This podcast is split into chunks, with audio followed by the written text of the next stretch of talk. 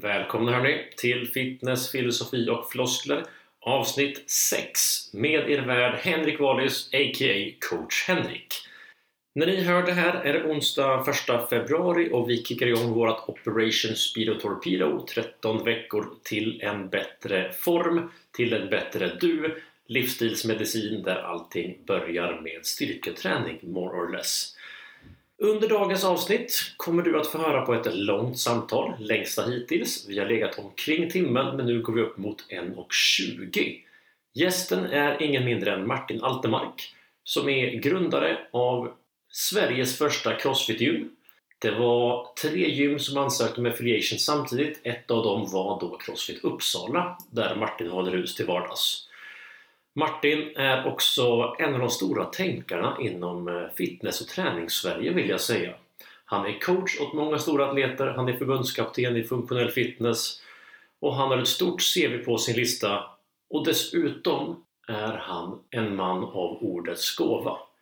Det räcker att ge Martin eh, stödord då och då så kan han på något märkligt sätt ändå hålla en röd tråd men liksom prata om någonting in absurdum. Få människor kan uttrycka och formulera så mycket träningsklokskap som Martin. Det var en fröjd att spela in samtalet. Vi satt hemma hos honom och jag tackar och bockar för eh, gästfrihet och gott kaffe uppe i Uppsala. Med det sagt så spelar vi en introvinjett och därefter följer samtal med the one and only Martin Altemark.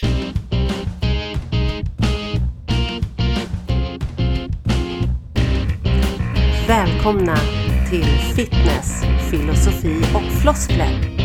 Din podcast om träning och den ädla konsten att leva och vara frisk. Med er värd Henrik Valis. Gott så gott folk! Vi sänder live från Uppsala. Dagens gäst är ägare till Sveriges kanske första Crossfit-box. Utbildare av fitness och tränare i Fitness-Sverige. Mästerprogrammerare och workoutskapare. Förbundskapten i funktionell fitness och coach av Crossfit Games-atleter en gång i tiden. Velodromcyklist och självplågare av rang. Innehavare av ordets gåva och ibland inkapabel till korta svar. Vi välkomnar Martin Altmark. Välkommen Martin! Tack. Tack! Martin, är du kapabel till att ge korta svar på frågor? Nej, jag är väl inte det. Tyvärr. Förlåt. Ja. På förhand. Kommer det bli eh, sidospår i den här diskussionen? Ja, det kommer det absolut att bli. Någon eh, beskrev min hjärna som ett eh, fyllt av ett gäng med fjärilar som flyger åt alla håll och kanter. men då och då märkligt nog hitta tillbaka till någon röd tråd. Så jag hoppas att den håller en röd tråd i alla fall. De här sidospåren. Bra! Ja men tack! Vad som än händer så tror jag det kommer bli intressant. Kan vi dra lite kort? De som inte har koll på Martin Altemark. Eh, kan vi bara dra någon så här basic low level entry fakta? Sysselsättning, ålder, bostad, intressen, Mm. Medelinkomst. kontextualisering, medelinkomst. Ja. Nej, jag, jag heter Martin. Jag eh, fyller 48 år i år. Något som stör mig lite. Det är nämligen ganska nära någon form av medelålder. Eh, jag har eh, i, vad blir det nu, sen 2009 eh, hade vi vårt första affilierade pass med min gym Crossfit Uppsala. Så det börjar bli några år, 14 år va? Eh, och, men vi fanns lite innan dess. Höll på med sån här träning innan dess också. Eh, och sen dess har jag varit tränare på, på heltid i olika, olika fall och former. Eh, har två barn. Radhus. Ingen eh, hund, ingen Volvo, Ford. Okej. Bra. Alright. Eh, före Crossfit, före äga sin eget Crossfit-gym och jobba med träning. Vad gjorde du då? Eh, ja, eh, då, då gjorde jag helt andra saker faktiskt. Kan man säga. Eller inte helt andra saker heller. Jag är fostrad i idrottsrörelsen. Jag har alltid idrottat. Det fanns en tid, vet du, som var innan man tränade för att träna. Utan då tränade man för att idrotta. När det faktiskt inte fanns någon Ja. träning för sin egen skull. Utan det var bara idrott. Och, eh, gjorde man träning på gym, ja, förutom möjligen bodybuilding då, men de var lite udda fåglar. Eh, så, så var det ju för att bli bättre på någonting lite mer specifikt då, någon idrott. Så jag är ju fostrad i idrottsrörelsen. Eh, spelade badminton när jag var tonåring, så det är min sport. Alla hade en sport så där, som man försökte bli så bra på som möjligt. Och, och så någon gång i, jag menar, under tonåren, möjligen i tidiga 20-årsåldern då, så brukar de allra flesta upptäcka att de inte blev världsmästare. Då bara slutar man med den här idrotten och, och gör den aldrig igen. För mig var det väl vid 18-årsåldern ungefär när jag slutade med badminton. Jag såg att jag kommer nog inte bli bättre än det här. Eh, var väl där Mm. någonstans. Jag var, jag var okej, men inte fantastisk. Jag har några junior-SM-medaljer, men inte, inte mer än så. Det är ganska bra. Ja, jo precis. Men jag skulle, så fort jag blev senior och skulle börja titta utanför landsgränserna så hade jag ingenting att ge. Alltså. Det fanns ingenting. Är det där människor i regel slutar idrotten? Alltså sen pubertet, vuxenliv ska börja ish. Mm. Jag tror den idrotten i alla fall. Alltså den där idrotten som, jag menar, dels så är det ofta så att man ramlar in i en idrott lite på grund av eh, kanske saker man inte kunde påverka, föräldrar eller liknande som tog med en på aktiviteter. För mig var det så att eh, jag hade en, en faster som jobbade på Svenska Badmintonförbundet och, och helt plötsligt så befann jag mig i badmintonlokaler och det gjorde hela, hela familjen. Min syster och bror spelade också badminton. Min syster är lite mer framgångsrik än jag. Eh, så man hamnade där och för många är det nog så. Jag menar, pappa cyklar så jag börjar cykla eller mamma spelar fotboll så jag börjar spela fotboll eller innebandy eller vad det nu må vara. Mm. Och sen eh, så är det väl så här 15-16 års ålder så fortsätter man att utvecklas och kanske börja ta de här stegen till att faktiskt bli bra på sin idrott. Men sen så börjar det på något vänster måla sig, är det här vad jag vill göra? Eller att man bara vill ha en förändring, liksom, att man växer upp och blir en annan typ av människa, eller en annan människa. Eller att man helt enkelt blir så bra som man kunde bli. Och det där tror jag de flesta känner igen, att man, man liksom vet att jag, ja, jag kom till den här nivån men jag kommer kanske inte, andra kommer att gå längre, men det är inte jag. Så jag tror att det är ungefär i de åldrarna. För mig var det ju också lite man upptäcker eh, vin och eh, kvinnor någonstans Mm. där i 18-årsåldern så blev det kanske lite, lite enkelt att ta steget till dem istället för idrottandet.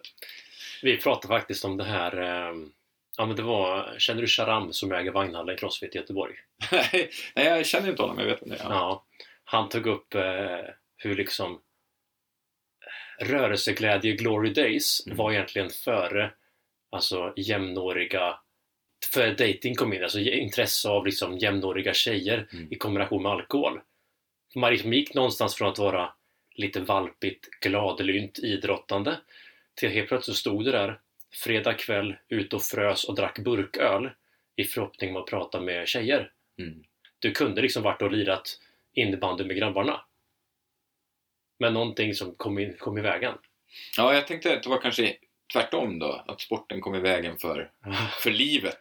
Lite sådär, att man var, jag var kvar i badmintonhallen och sen så, men fan, där ute verkar det spännande. Jag höll ju på med musik också ganska mycket, vilket eh, någonstans här, jag tror vi gjorde våran första vår första utlandsturné var väl här i faggorna. Jag var nog inte 18 då, 16, 17 någonting. Så åkte vi till Östeuropa och spelade en vända första gången.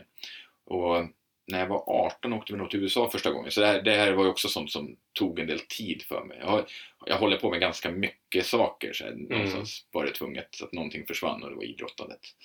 Eh, sen så kom jag tillbaka till idrottandet och började med kampsport någonstans i 20-21 års åldern. Eh, det var i början, jag tror det var, kan det ha varit i krokarna precis, UFC 1 var här. Det fanns inte, Ultimate Fighting fanns inte när jag började tror jag. Eh, och sen fanns det helt plötsligt, det var väldigt märkligt. Saker som, när, när, när saker tillkommer, då höll vi på med någonting som kallades shoot fighting på den tiden. Jag kommer ihåg. Och jag vill nog säga att kampsport var nog en av mina alltså naturliga anledningar till varför jag började styrketräna. Mm. Jag såg Bruce Lee med abs Mm. och kampsportare hade liksom integrerat styrketräning och liksom eh, viktklasser, ändra kroppssammansättning sen alltid liksom. Mm. Ja, för mig så var det, jag menar jag växte ju upp med mycket Bruce Lee och sånt där, men också Karate Kid var en jätte, jättestor influens på mig. Jag vet inte när den här kom Karate Kid? Kan det vara 85, 84, 86? kanske, 84. 86. Mm, ja, kom den 84 så var jag nio år då. Jag kan inte, I alla fall var det en ganska, jag var, jag var en ganska tydlig målgrupp. Men jag fick aldrig hålla på med det också, vilket gjorde det ännu mer spännande för mina föräldrar. För de tyckte att det här var, var omoraliskt helt enkelt. Man fick inte döda folk med de här hemliga slagen som man kunde då, dimmack och allt vad det var. Eh, så jag fick aldrig hålla på med karate. 1. Alltså, då, det blev ju liksom eh, att trycka ner någonting för en tonåring, det blir naturligtvis ännu mer spännande. Och, så. och sen så, väldigt mycket vad man söker som tonåring, vad jag sökt mycket genom hela livet. Eh, senare i, menar, i, både i musiken, i litteratur, i filosofi som jag sen kom att studera på universitetet. Det är någon form av säkerhet. Hur ska man göra då? Hur, hur, hur ska jag göra för att göra rätt? Och i de här filmerna så är det ju ganska mycket sökande unga män och sen så på något vänster så slutar det ofta med någon form av klarsyn för vad som var rätt eller fel. Tydliga rätt och fel i de här filmerna tycker jag är ganska ett lätt sätt att locka in en tonåring. På 80-talet var det det i alla fall. Så jag började med kampsport i alla fall. Höll på med, med eh, thaiboxning ganska mycket. Eh, för det gillade man som 20-åring. Man gillade när det gjorde ont och hade blåmärken på underarmarna. Och, sådär. och mer och mer så började man inte gilla när det gjorde ont och man hade blåmärken på underarmarna och smalbenen. Så man kan säga att man, jag gjorde en resa från eh, den, den MMA-delen med mer att man slog och sparkade till MMA-delen där man kramas Mm. genom en massa år. Under den här tiden naturligtvis så lyckades jag ju hamna i styrelse på den här kampsportsklubben som vi hade och starta en egen kampsportsklubb och driva och bli tränare och sånt där. För jag blir gärna engagerad. Jag var också badmintontränare i några år faktiskt efter gymnasiet. Kan du inte berätta om övergången då från eh, att träna med fokus på dig själv till att bry dig mer om att träna andra?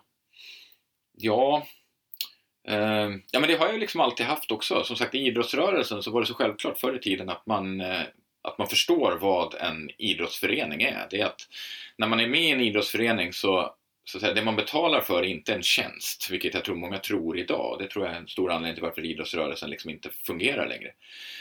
Eh, för att folk kommer dit och säger men jag har ju betalat för det här så att nu ska ju ni ta hand om mig eller träna mig eller ordna den här tävlingen eller skjutsa mina barn hit eller dit. Liksom. Men förr i tiden så var det så självklart att man var med i en förening och hjälpte till. Det är ju vad en förening är. Man, man köper rätten att få vara med och hjälpa till. Eh, så det kommer nog från barnsbenen faktiskt. Man, eh, när man var ung tonårig badmintonspelare så var man också badmintontränare till, eh, de, till barngrupper. När, när man höll på med kampsport sen då var det ganska naturligt att man hjälpte till där det behövde täckas med tränare och, och sånt där. Så jag har haft det lite parallellt faktiskt. Mm. Så jag har alltid varit någon form av utövare på en inte så bra nivå. Jag är ganska medioker som atlet eh, och, och tränare. Sen blev det naturligtvis så att det blev, det blev lite större när jag, när jag tog steget att säga upp mig från mitt dagjobb som, som dataprogrammerare som jag hade haft väldigt länge. Jag var seniorprogrammerare på ett, på ett företag och satt oerhört tryggt och säkert på en tjänst. Kunde se fram emot en relativt hög lön och en väldigt, väldigt bra pension någon gång i framtiden. Och eh, det där tog jag och eh, kastade åt helvete och eh, blev tränare på heltid. Startade ett gym helt enkelt. Får jag fråga, var du mer sugen på att kasta det där åt helvete? Eller var du mer sugen på att starta ett gym? Mm, det där är alltid intressant om man, om man försöker lämna något eller, eller söker sig till någonting. Jag är ju alltid lite vinklad mot att det är en ganska dålig anledning att försöka lämna något. Då ska man kanske fundera på vad det är man inte trivs med istället och kanske förändra det. Men om man söker sig till någonting så är det ju så att om man ska ha många olika saker i livet får man väl kanske ersätta en del av de gamla sakerna. Och det var definitivt det som var, som var saken här då. Jag var väl i och för sig lite uttråkad på att jobba med maskiner och algoritmer och trodde väl inte riktigt på, på eh, program riktigt. Eh, på samma sätt som att jag inte är så jätteimponerad av artificiell intelligens idag. Liksom. Jag, jag tror inte att algoritmer kommer att lösa de problem som vi människor ställs inför på en, på en liksom mikronivå. Det tror jag däremot att, att jobba med människor, att liksom möta människor på en, på en daglig basis gör. Så då kändes det ju lite naturligt att börja jobba med människor istället. Så jag tror jag sökte mig till, men det var en bra fråga. Mm. Du, eh, låt oss prata crossfit. Det kan vi göra. Du har ju lite grann varit den här snubben som eh, faktiskt kunnat teoretisera crossfit. Mm. Även i en tid när det fanns många, många barnsjukdomar. Mm. Hur har crossfit ändrats på de 14 åren du varit med? Oj, ja, jag har varit med längre än så faktiskt. Jag tror jag jag har nedtänkt, jag hade en blogg en gång i tiden. Det började med att jag hade en blogg. Eh, och eh, att eh, jag skrev om min egen träning, om mina, sen mina kompisars träning när lite fler började eh, där. Så jag tror jag gjorde mitt första crossfit-pass 2004. Oj! Faktiskt. Så det är lite fler än... Och när grundade vi? 2002? Eh, jag vet faktiskt inte. Jag tror kanske 22, 23 någonstans där började Crossfit HQ kasta ur sig pass på sin hemsida. Det var ju det som var Crossfit då. Att man gjorde passen som kom upp på Crossfit HQ. Det fanns ju ing... Det som var Crossfit, det var ju det passet som Crossfit HQ publicerade på Crossfit.com. Det var ju ingenting annat på den tiden. Eh, så det började med ganska tidigt. Långt tidigare än att starta min egen box. Så. Eh, och det har ju förändrats. För jag menar, dels så var det ju ganska... Det fanns ju inte så många workouter på den här tiden. Eh, det fanns, först så kom det, fy, det fanns fyra workouter med, det, det publicerades något som heter Crossfit Journal som var ganska viktigt för vad som var Crossfit, att kommunicera vad som var Crossfit på den här tiden. Eh, det var en tidning som kom, gavs ut som en pdf som man kunde skriva ut, som man gjorde. Det var gratis, det var jättebra. Eh, och då publicerades fyra workouter. Jag kommer inte ihåg exakt vilka det var. Det var Fran, Helen, Eh, den där med eh, handstående armhävningar och eh, marklyft. Diane var det. Så var det någon till. Ja, Cindy var det. Det var ja. de fyra workouterna som var först. Sen i nummer fyra så kom The Other Girls, det var, numret hette det, Other Girls, och då kom det fyra workouter ja. till. Så då bestod Crossfit av åtta workouter. Så det här kan man väl säga är någonting som har förändrats. Så den här tanken på att Crossfit var så bisarrt varierat i början, det, den är nog lite felaktig. Men till de här benchmark-workouterna man hade eh, så gjordes ju en massa träning emellan men då bestod det ganska oftast utav, jag menar säg att man gjorde ja, på onsdagen så skulle man göra fem eh, överstötar. Sen skulle man gå hem. På torsdagen skulle man springa 10 kilometer. Sen skulle man gå hem. På fredagen skulle man göra fran. Sen skulle man gå hem. Och sen var det en vilodag. Man jobbade liksom två, två dagar, en dag vila, tre dagar, en, en dag vila och så här. Och det här var ju liksom programmet på den tiden. Det var mycket, mycket enklare än man tror. Det var också ganska roligt att på de här, när det var Fran då, då postade ju folk kommentarer på hemsidan. Vi var ju, jag vet inte, kan vi varit, vi säger 100 personer som gjorde det här. Och det här lärde man ju känna rätt mycket folk då ute i världen. Som James Fitzgerald till exempel, han postade alltid väldigt, väldigt tidigt. Han måste ha gått upp väldigt tidigt och gjorde workouter. Eh, vi hade en kille, Jonas, Jonas Lind, som var först med det här i Sverige. Han postade också väldigt tidigt på dagarna. Sådana som jag och Mads Jakobsen som postade lite senare. Men då var det i alla fall väldigt tydligt att när det var Fran så, så var det 100 100 postade kommentarer om mm. tider. Då. När det var 10 km löpning, då var det noll ungefär. Ja, men det säger lite grann om människans natur och också liksom hur eh, Crossfit har behövt utvecklas som du vet med kundperspektiv. Lägger du eh, 10 km löpning som din dagens workout så kommer ju ingen på din klass.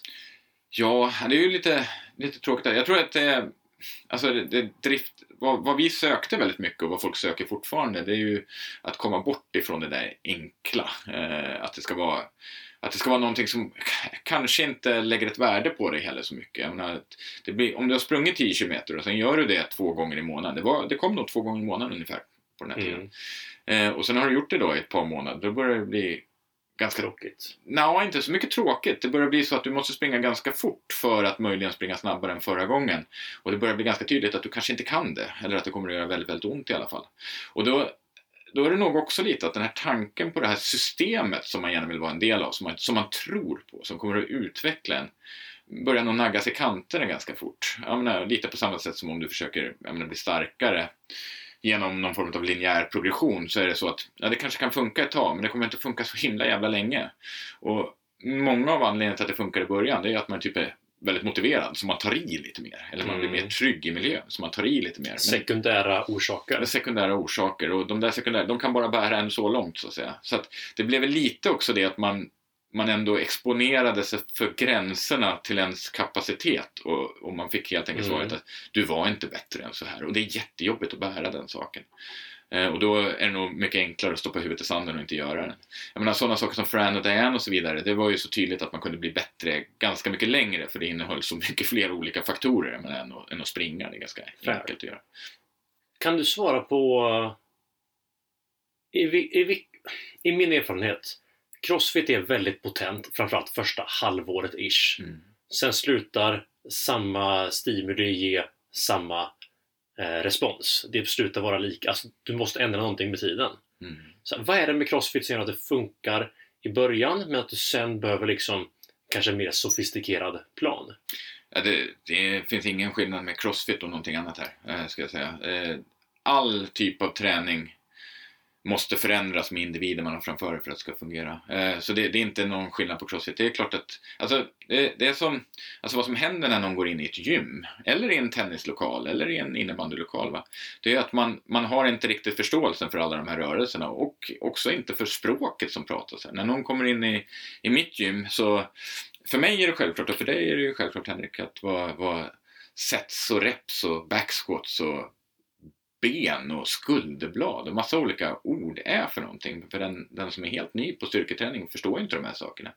Och med tiden så blir han bättre och bättre på att använda de här orden och, och liksom göra det som, man, som efterfrågas. Så att säga. Men efter ett tag då så blir man inte, då, då blir man inte bättre och bättre på att liksom använda miljön längre Mm. och använda sin egen kropp i att anpassa sig efter den här miljön och då, då kommer man helt enkelt att sluta utvecklas eftersom menar, Alltså väldigt mycket kommer ifrån den här tanken och den är nog ganska dominerande fortfarande på homeostas som är 30-tals stressforskning där man tänkte att, eh, att, att vad man gör när man utvecklas fysiologiskt, för det är väldigt fysiologiskt perspektiv i träning fortfarande, ska jag säga. Att man helt enkelt, man, man pressar fram, eh, man har någon form av setpoints, någonting som är du. Alltså, och sen med stress så kan man i små, små, små steg pressa din förmåga långt bort från den här din setpoints, det som är Henrik eller Martin eller vem det nu är. Eh, så att man kan mer och mer. Eh, men om man slutar träna så faller man tillbaka till den här homeostasen, alltså grundläget inne i kroppen. Eh, och det är ju en tanke som man har rört sig ifrån i nästan alla andra vetenskapliga områden, förutom i träningen. Man borde nog göra det, och det finns vissa antydningar att man, att man gör det nu, ska jag säga. Men vi åldras ju. Vi, vi åld... Jag vill säga så här, om vi backar tillbaka, jag vet inte hur det är relevant, men säg så här då, att man... Att man, vad som händer, alltså när man tittar på på setpoints så det blir det ganska tydligt att sådana här setpoints de förändras jättemycket och det gäller, ja, men det gäller andra fysiologiska aspekter också som säg eh, blodtryck eller puls och så vidare. Det är inte alls någonting som man har genom livet utan det förändras ganska, ganska mycket och det är ganska enkla fysiologiska saker som ändå har ganska enkla krav på sig hela tiden. Eh, och saker som de ändras med är inte bara alltså så att säga, fysiologi utan också biologi och psykologi och miljö. Så om vi människor också anpassar oss efter jag menar, våra sinnestillstånd, hur vi mår och hur vi tänker och hur vi upplever miljön och vad vi också ser i våran miljö. Förutom att vi har jag menar, fysiologiska och kemiska processer som pågår inne i kroppen. Då blir det ganska komplext. Eh, det är ett synsätt som man brukar prata om som allostas mera. Och då blir det så här att man, man, man ofta ser på hur du uppfattar en situation på vad du ser i en situation. Och det förändras med tiden. Och det tror jag är en ganska bra nyckel för att fortsätta utvecklas och utvecklas och utvecklas hela tiden. För jag ser inte det som du ser i Crossfit, att man behöver sluta utvecklas. Tvärtom skulle jag säga. Att man, kan, man kan fortsätta utvecklas hur länge som helst om man gör träningen rätt. Men då krävs det att man inte följer ett system. Det krävs att man inte tror att samma sak om och om igen ska ge ungefär samma stimulus, som, lite som det du beskrev då. Eh, att man inte ser träning som en dos och en respons enbart, utan man ser det mer som att ja men, hur upplever du det jag exponera dig för. Och om man hela tiden försöker skapa någon form av variation i termer av, inte variation i termer av stress, utan i fel och brister i rörelsen. Eh, så kan man få dig att bli bättre på att sortera bort det som egentligen inte behövs för att göra en rörelse bra, snarare än att bugga ett komplett och koherent rörelsemönster. Och där är tror jag två olika synsätt som man kan ha. Där det här tanken på att vad vi ska göra nu, det är att lära dig att göra en rörelse perfekt. Det är det som ryms i det här eh, klassiska sättet att se på träning, det fysiologiska sättet att se på träning. Eh, men att det kommer att komma till vägs ände eftersom man i början exponeras för en massa variationer i rörelser som man sen inte längre har. Och när man inte har variation i rörelser så kommer liksom inte Ja, vi kan säga hjärnan, men det är nog alldeles för enkelt. Vi kan säga du. Mm. Eh, inte och, och längre utvecklas genom att man så att säga rör sig i precis i utkanten av vad man har ett visst litet brus i rörelsen så att säga. Men inte så mycket brus att det spricker upp och, och inte längre än en rörelse. Är det här efficiency, rörelsekvalitet? Eller liksom... Ja, det kan vi säga. Alltså, i, min, I min värld, jag sa jag det att jag, jag var dataprogrammerare i 15 år. I min värld när jag, när jag pluggade där, då brukade man prata om, om eh, signal to noise ratio eller noise to signal ratio. Det vore inget bra att ha noise to signal ratio, för då är det helt enkelt så att det är ganska svårt att se en signal överhuvudtaget i allt brus man har. Men om man har en man har ett visst brus i en signal, alltså när det kommer till att lära sig felkällor, eh, så kommer man att bli bättre på att sortera vad som behövs och vad som inte behövs för att göra en rörelse perfekt i många mm. olika situationer. För det är ju så, när man ska utföra en rörelse så gör man det i olika situationer och den här situationen ändras alltid i och med att du, vad säger vi, vad sa du, man åldras. Vi kan säga inte bara åldras ur ett fysiologiskt perspektiv utan man vi säger växer istället, är inte det ett bättre ord? Att man, att man på något vänster... Eller blir mer bekväm. Ja, men man blir en annan människa hela tiden i alla fall. Och man måste ändå lära dig att hantera vad det innebär att göra någonting i en situation där du är lite, lite annorlunda hela livet. Okay. Eh, och då krävs det helt enkelt att vara bra på en rörelse. Jag menar, se som att springa då. Jag menar, att springa på asfalt och att springa i sand eller att springa på en gropig gräsmatta. Allt det är att springa, men om du bara övar att springa på asfalt då kommer du bli ganska dålig på att springa på sand eller på en gropig gräsmatta. Men om du ser till att ha en viss variation i löpningen hela tiden. Och då kan man säga att mindre variation i början, för att bara att springa innebär variation för dig.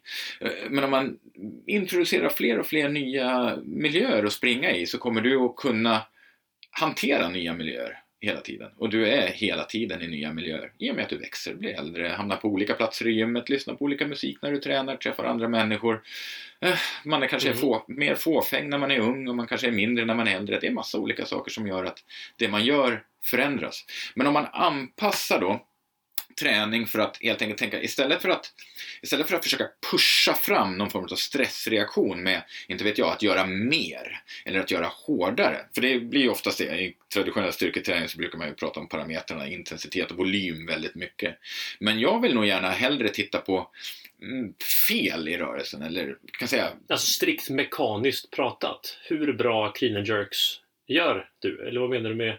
Nej, alltså så här, ja, vi kan väl säga så här. Om du bara gör perfekta clean and jerks eh, så kommer det inte att ta dig framåt och göra fler clean and jerks på den vikten. Utan det kommer nog att ta dig till en överbelastningsskada snarare, snarare än en utökad kapacitet. Men om vi istället kan så här, se till att när du, ja, men nu gör du väldigt bra clean and jerks på eh, 60 kilo, säga. Då skulle vi kunna, vi skulle ju kunna öka belastningen naturligtvis, att eh, lägga på 62,5 kilo. Absolut, det är ett sätt att skapa nya fel och brister i rörelsen.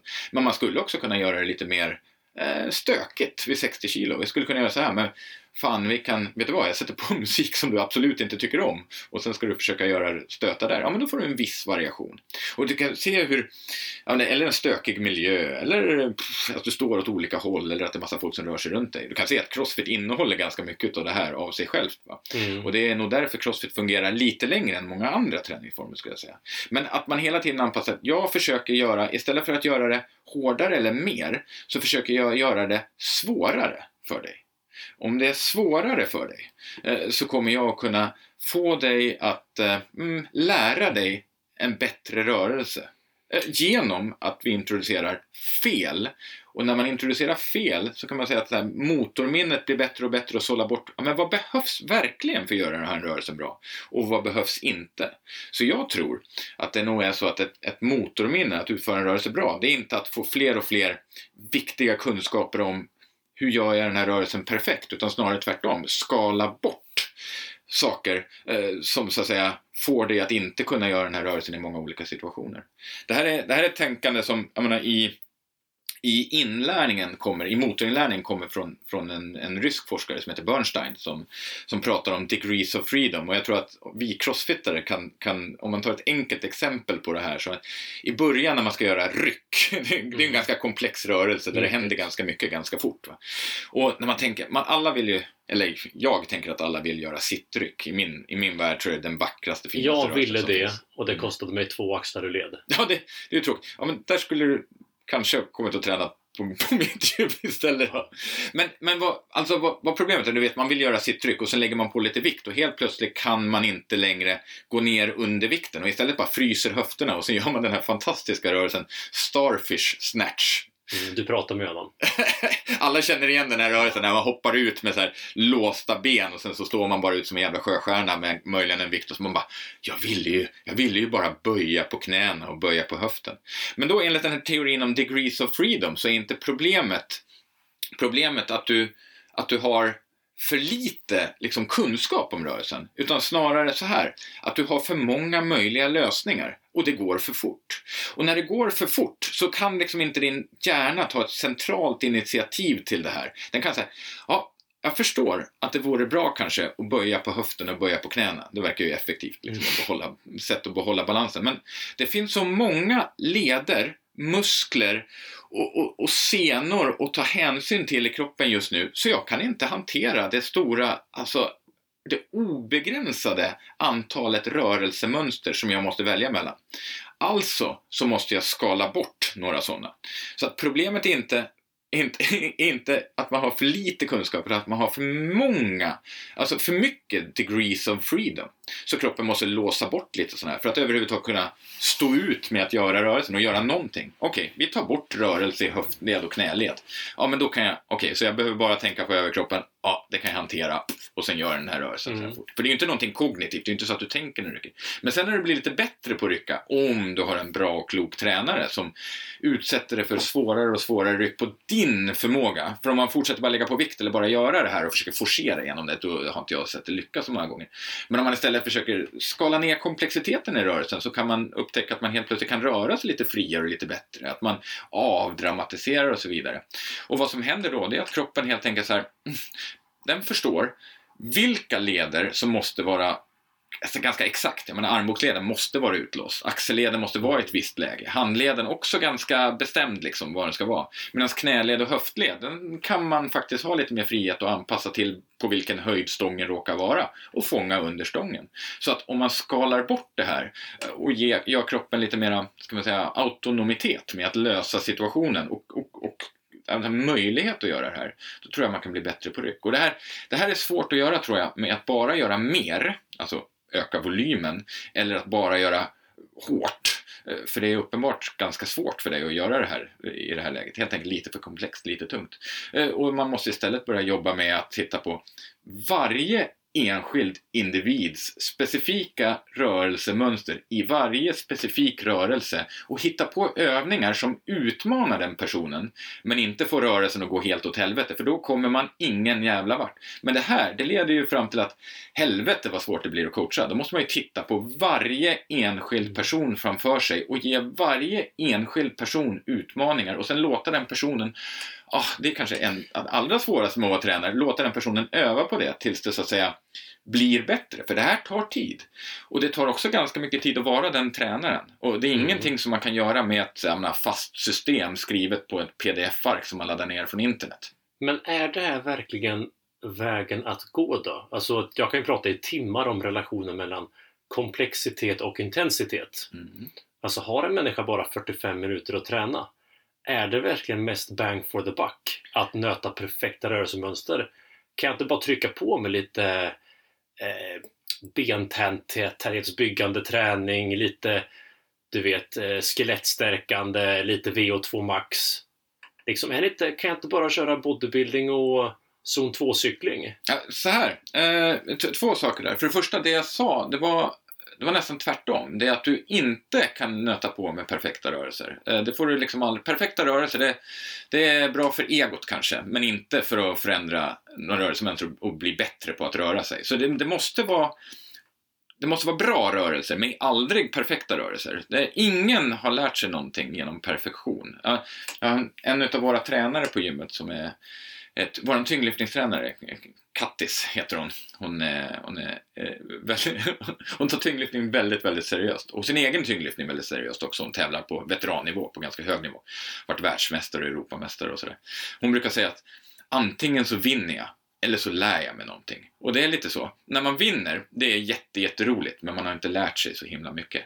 Men för att komma tillbaka till din fråga då, för hur vi lägger upp passen på Crossfit Uppsala, vad jag skulle förespråka, det är att när man har grupper av individer som tränar så är det väldigt, väldigt svårt att säga, jag menar, dels vad de behöver just där och då. Man vet faktiskt inte vilka som kommer på träningspass ens. Jag menar, eller jag kan ju se vilka som bokar, men jag vet inte vilken dag de ska komma. Så, så jag tror att, och, och man vet inte riktigt vad som trycker fram förmåga heller. Alltså, när det kommer till menar, enkla grejer som muskelbyggning kan byggas på väldigt många olika sätt. En del verkar kunna bygga muskler på pff, väldigt många olika repetitioner och, och, jobba till failure på ett bra sätt och andra verkar bygga det jättebra på bara att ha jättetunga rörelser och utmana sig och vissa andra de verkar bara bygga muskler om de ser någonting i ett gym. Det är inte jag kan säga. Jag önskar jag var den personen. Eh, men, men vad jag tror att man måste göra på träningspass, vad sa du, 45 minuter? Vi har en timme på, hos oss. Har ni 45 minuter? Nej. Eh, vem har det? Det är ju ändå, jag har tänkt många gånger på, vem bestämde att alla träningspass måste vara en timme? För det är de ju överallt. Jag har coachat 30, eh, 45 och 60. Ja, fantastiskt. Jag har aldrig coachat något annat än en timme. Jag, det, okay. det, skulle, det skulle skäras i mitt... Jag vet inte hur man gör. Det är som att cykla velodrom åt det andra hållet. Det går inte. Okay. Men i alla fall. Eh, vad man gör, tycker, tycker jag, det är att helgardera. Jag tror väldigt mycket på att göra, göra ganska lite, ganska ofta. Snarare än att göra ganska mycket, ganska sällan att det är mycket bättre sätt att, att liksom få till förändring och också avdramatisera förändring. Frekvens vinner över volym? Eh, ja, det, det naturligtvis var vanligt. Ja, absolut. Frekvens vinner över volym, ska jag säga. Men det, det, det kommer så enkla grejer som, jag menar, säg att om du ett bra argument mot att köra så här, tre split till exempel i en vecka som många liksom börjar göra ganska tidigt som som för, för muskeltillväxt, att man delar upp muskelgrupper olika dagar i veckan. Push, pull, legs. Ja, precis. Va? Jag menar, ett, ett ganska enkelt argument mot det, det är ju så här, om jag, om jag tränade på måndagen och sen på onsdagen och sen blev sjuk när jag skulle träna på fredagen. Jag menar, då fick jag ju inte träna alla de där musklerna som jag skulle träna på fredagen. Sen börjar man om på måndagen. Vad ska jag göra då? Ska jag träna de musklerna då? Nej, det gör man oftast inte. Man tränar armar igen kanske. Blev det aldrig något ben. Så, jag menar, så då hade det kanske varit bättre att bara helgardera med att träna hela kroppen måndag, onsdag och fredag och det verkar inte vara några problem att göra det om man bara inte gör det så himla mycket. Alltså, du kan kanske inte träna hur länge som helst. Jag menar, det kanske verkar funka att göra mellan två, tre set räcker ganska bra. Eh, men det blir ju gärna att man kör tio mm. set med en muskelgrupp om man kör sådana här splittar. Mm. Men jag kommer tillbaka till hur vi lägger upp passen då på Crossfit Uppsala som jag tror jättemycket på. Det är att vi helgarderar. På varje pass ska det finnas någonting som övar lite, ska vi säga, olika typer av rörelser och kanske lite hopp och landningar och sådana här saker. Och det gör vi ofta i uppvärmningarna. Sen så ska det vara så att på varje pass så ska man ta i på något sätt. Du pratade om skelettbyggande träning och, och också någonting som, jag menar, ska man, ska man stimulera till någon form av, jag menar, muskelfibertillväxt eller proteinsyntes, då bör man nog lyfta någonting ganska tungt i alla fall. Eller jag säger tungt, när jag, menar, när jag säger tungt så menar jag utmanande, för det är lätt att tro att det är många vikter, men det är ju väldigt individuellt vad som är tungt. Vi säger man måste utmana sig själv på något sätt. Gärna med någonting som ligger över skelettet då, så jag menar, sådana saker som squats menar, har ju mm. bra rational eftersom det helt enkelt ligger på skelettet och det kommer ju, som du sa också, och eh, eh, skapa massa bra saker i skelettet. Det kommer lagra in mer kalcium och mer mineraler och, och kommer lagra in mer protein i musklerna. Asbra. Mm. Sen så gör vi någonting som är ja, men, ja, tekniskt lite svårare och eller eh, jobbar med, med någon form av rörelsemönster där som man inte kanske har jobbat i, i den här första när man tar i då, eh, för att vi vet helt enkelt inte vad folk behöver. Vi, vi tänker nämligen att vi vill jobba igenom alla olika rörelsemönster och alla olika leder på varje pass. Så vi bockar av där helt enkelt. Och vad som är den tunga rörelsen det varierar per pass.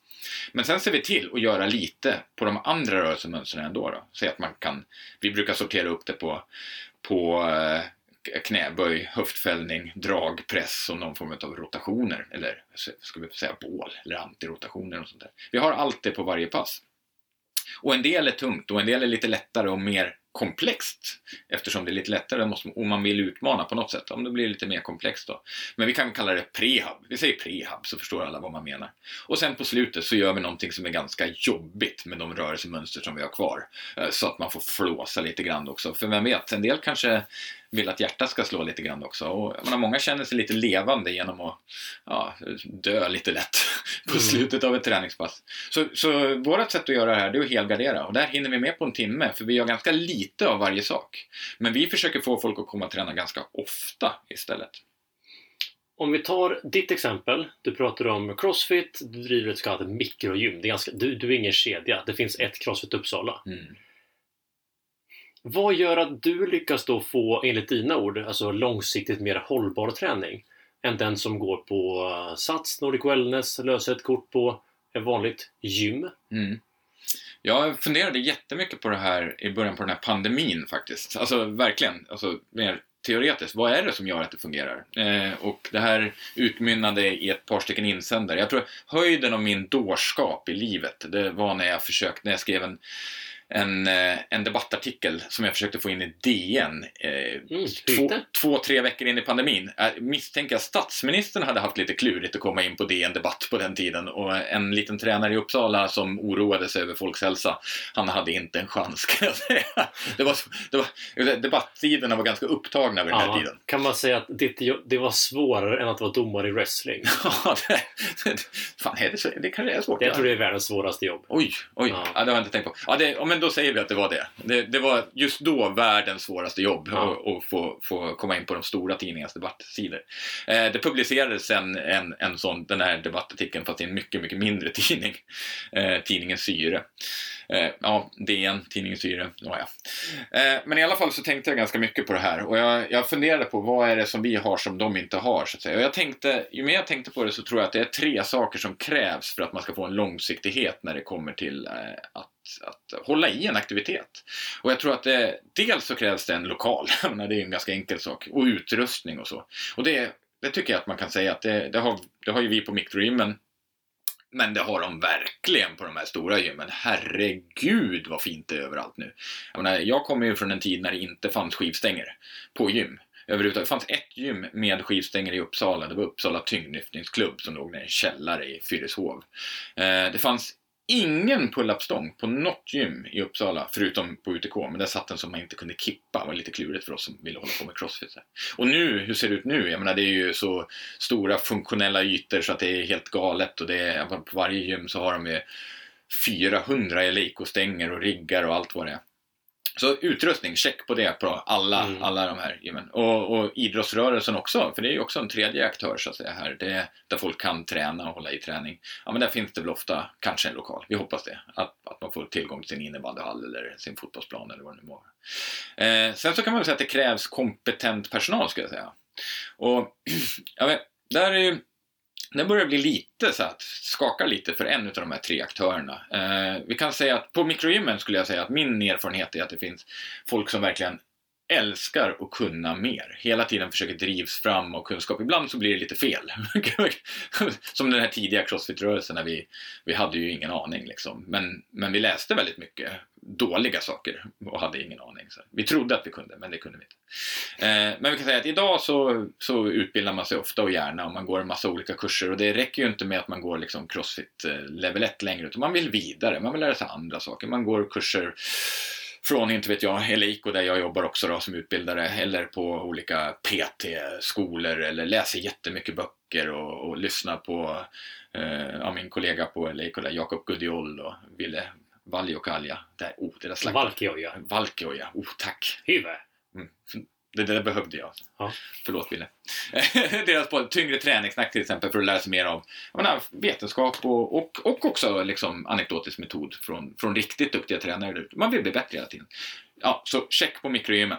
Eh, vi kan säga att det är check på, på de stora globgymmen också då. Jag tror att det är lite skakigare där. Jag är ju ute en hel del på de här gymmen också. Och det är nog mer osäkra tränare där skulle jag säga än i crossfit-gymmen. Kanske för att man inte exponerar sig i så svåra miljöer. Det är lite lättare att komma undan med att kanske inte var så bra i en NON-setting. För det är ingen som ser den så mycket. Det är ingen som betraktar den på samma sätt. Det blir lite som lärare som tror att folk ser när de gör sitt jobb hela tiden och att de är så bra på att, att liksom exponera sig och sina möjliga brister som lärare för, för andra, andra vuxna. Men det är ju andra barn som ser hur man är lärare. Eh, Jag otroligt vad lärare blir nervösa när det kommer in en studierektor eller andra lärare i klassrummet. brukar man ju inte släppa in tycker jag, enligt min erfarenhet. Men i crossfit-miljön, där, vill man ju, där söker man ju aktivt utmaningar. Där söker man ju att bättre tränare ska titta på en. Man går på de här tränarna man, man liksom ser upp till pass för att lära sig mer och så vidare. Men vi sätter ändå ett check på, på Globo-gymmen. Jag menar, de har ofta en PT-utbildning och, och någonting och söker sig vidare. Det finns jätteduktig personal där också. Men idrottsrörelsen, nej, men det är ju, det är ju papporna och mammorna liksom till, till barnen som är ute och håller passen och så här. Och de vill väldigt mycket, men kanske inte alltid har så mycket kunskap. Det blir väldigt mycket att man gör som ens tränare gjorde bara, man har inte så mycket fog för det. Och under pandemin så var det ganska tydligt att idrottsrörelsen, lite tror jag på grund av det, att man inte orkade driva på. Så jag menar, de idrottsklubbar som jag såg här var väldigt mycket att man slutade ju hålla träningspass. Trots att man kunde ju ha gjort någonting. Jag menar, ta som exempel mountainbikeklubben här i Uppsala de slutade hålla pass för att de vill inte belasta sjukvården om man ramlade i skogen. Och man själv tänkte, men herregud, cykla för fan på landsvägen då, om det är så att ni landar, gör, ramlar. Gör det enklare så att folk ändå håller i träningen. Gör det ni kan. Men det gjorde man inte. Eh, och den här tredje saken som jag tror krävs, eh, det är någon form av eh, sammanhang alltså. En, en, en, kontext att verka i. Och här, det har man ju verkligen å andra sidan i idrottsrörelsen. Jag menar, det är ju, jag menar, där har man ju folk som bryr sig om en, som ser en, som kan namnen på alla barnen som är med i en fotbollsklubb, eller de vuxna som är med i en cykelklubb för den delen. Eh, för det, där har man ju ett sammanhang. Eh, och på crossfit-gymmen, gud vilket sammanhang man har. Jag menar, alla skriver upp sitt namn, alla kan varandras namn, man får stött och stöd. Och man, jag menar, när någon sätter ett PB så fanns, har ju hela gymmet stannat upp och alla står och applåderar och när någon plingar så är det ju verkligen äkta skär glädje man springer fram med för att, för att fira ett, ett personbästa och man blir välkomnad av tränaren som kan ens namn. Inte för att de har tittat på en lista förut utan de kan ens namn. Ofta, och där hoppas jag ju då att, att det är så ute på gymmen, så vet man ju massa andra saker också. Jag menar, kanske hur folk bor, vad de jobbar med, vad hunden heter. Eh, och man ser kanske, det är sådana här behov som man har också, att man ser, ja men, oh, men gud, har du klippt dig? Vad snyggt! Man bara, oh, jag blir verkligen sedd här. På de här Globogymmen, där blir man inte sedd, skulle jag säga. Det är ganska opersonliga ställen alltså. Jag har, jag, jag skaffade faktiskt ett kort på, på ett sånt här stort gym när jag jag gjorde illa mig lite. Jag hade av bicepsfästet här för några år sedan och var tvungen att säga jag behöver en benspark och en benpressmaskin. Jag, be jag, be jag, behöver kunna träna utan att använda överkroppen alls och det här har vi inte på mitt eget lilla gym. Det var också lite det att jag var lite skadad och ledsen så jag kanske inte ville träna på mitt gym så jag gick till ett sånt där Globo-gym. Eh, och det var, jag, jag, tror två eller tre eller fyra gånger så gick jag dit och sen så bara ställde jag mig mitt ute på golvet och bara tittade runt mig och blev bara deprimerad av att se alla människor som det var så många människor där och alla var ensamma. Mm. bara gick hem igen. Jag, kunde inte leva med det här. Och det här tror jag är varför de här Globogymmen också, jag menar, såg ju de hanterade pandemin. De bara sparkade ju all personal och stängde liksom. De tog den enkla lösningen. Jag tror inte att det finns en, ett sammanhang. Jag tror, inte att, jag tror inte på de här gymmen att det blir en plats där man fortsätter träna över tid. Jag tror att det, man blir periodare på grund av miljön. Jag tror att crossfit-gymmen, eller vad säger vi, crossfit-gymmen, det finns ju andra mikrogym också. Mikrogym kan vi säga, kommer undan det här genom att skapa alla de här tre sakerna. Man har både en, man har både en, en bekräftande miljö där man får vara en del utav ett sammanhang och delta och vara någon. Man blir som som en del av kuggarna där inne. Man får någonting som man känner att är en del av det här funkar.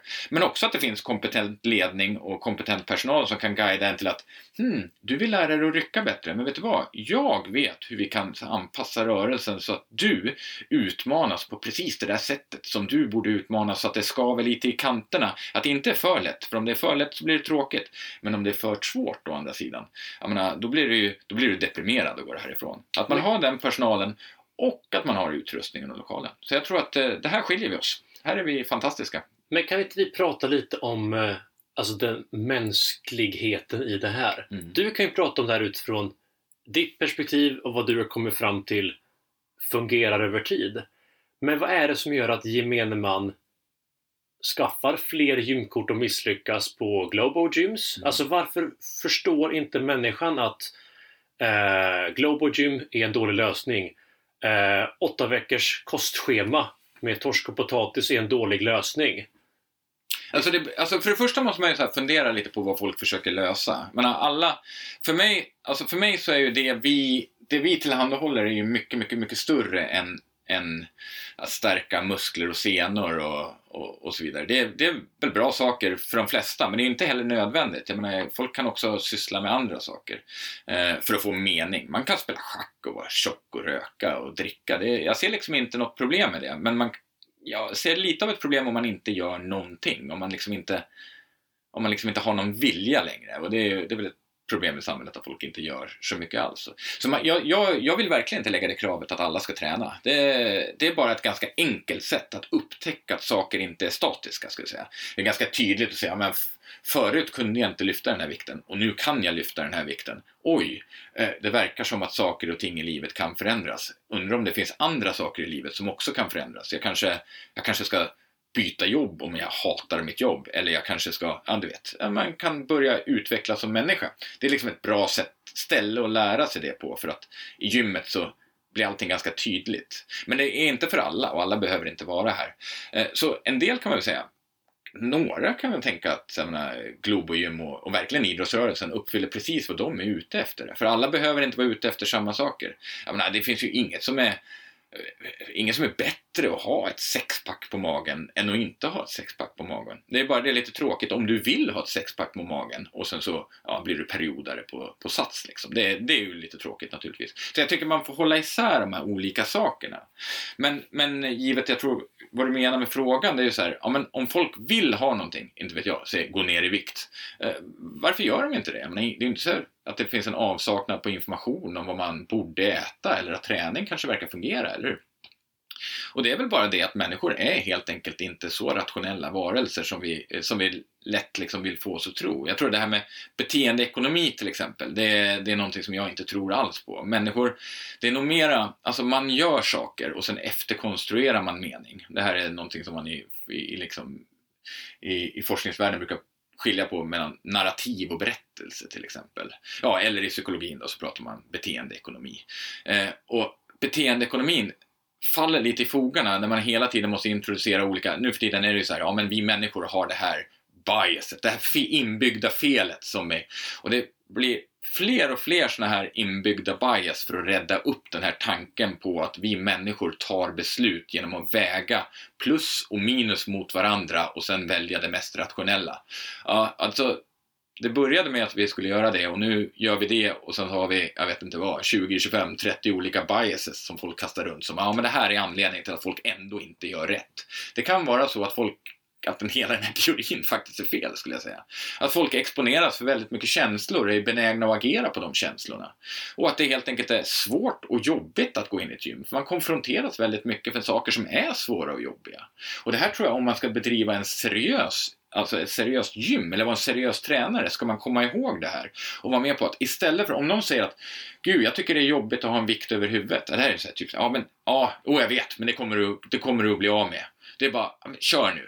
Alltså det är ingen fara. Eller, jag, som till en, till en, jag kommer ihåg en så här typisk grej, där, alltså även i den här högre, lite mer elitträningsvärlden, när jag såg en tjej värma upp på regionals någonstans, om det var i om det var i Madrid eller i Berlin det året, eh, stod på uppvärmningsytan och jag coachade några andra. Och så den här tjejen, jag känner den här tjejen, så jag går fram och ser, ser klart brydd ut, ledsen, alltså, eller panikslagen ut. Jag frågar hur, hur läget är. Liksom. Det är ganska långt till ditt hit. Eh, och, och, hon liksom säger att ja, fast jag, jag, är så jävla nervös. Jag tror, jag, jag, tror jag, jag, jag kan inte det vi ska göra nu.